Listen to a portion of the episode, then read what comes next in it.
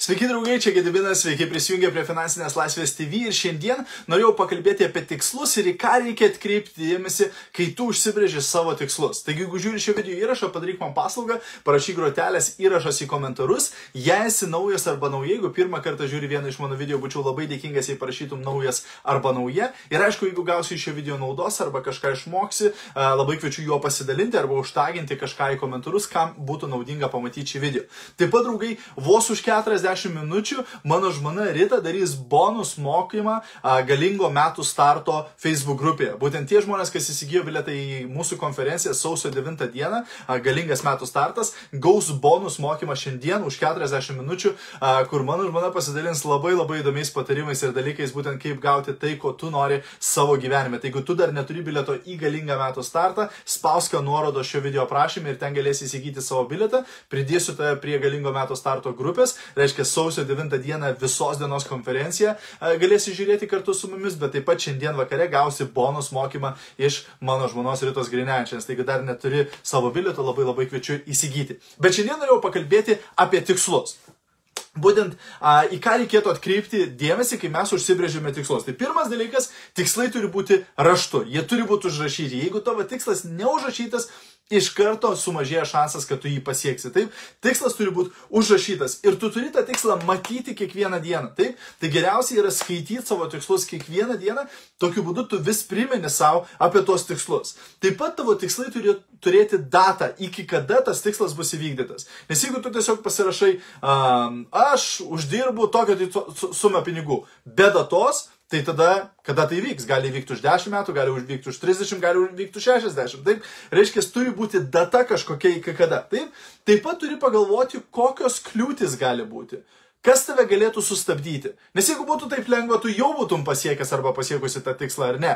Kodėl tu jo nepasiekiai praeitįje? Kas tave sustabdė? Kokios kliūtis, kokie iššūkiai, kokios problemos? Taip? Ir pagalvok, jeigu jie vėl iškiltų, ar tu su jais susitvarkytum, ar tu turi strategiją, kaip su jais susitvarkyti. Taip pat pagalvok, kieno pagalbos tau gali prireikti pasiekti šitą tikslą.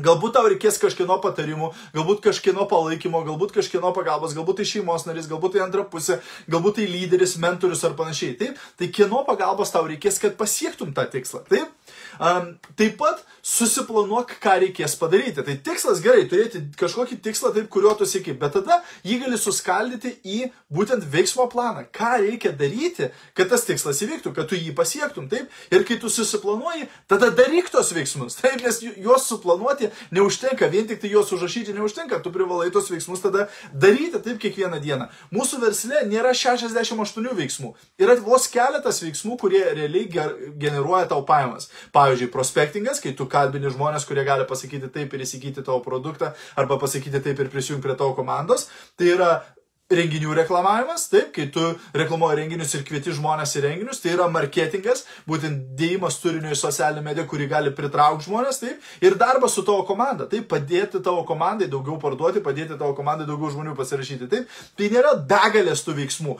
Ir jeigu tu darysi tos veiksmus kiekvieną dieną, tada tu pradėsi artėti link savo tikslo, taip, ir galiausiai pagalvok, Visų pirma, ką tu už tai gausi? Kai tu pasieksi tą tikslą, kas tau iš to?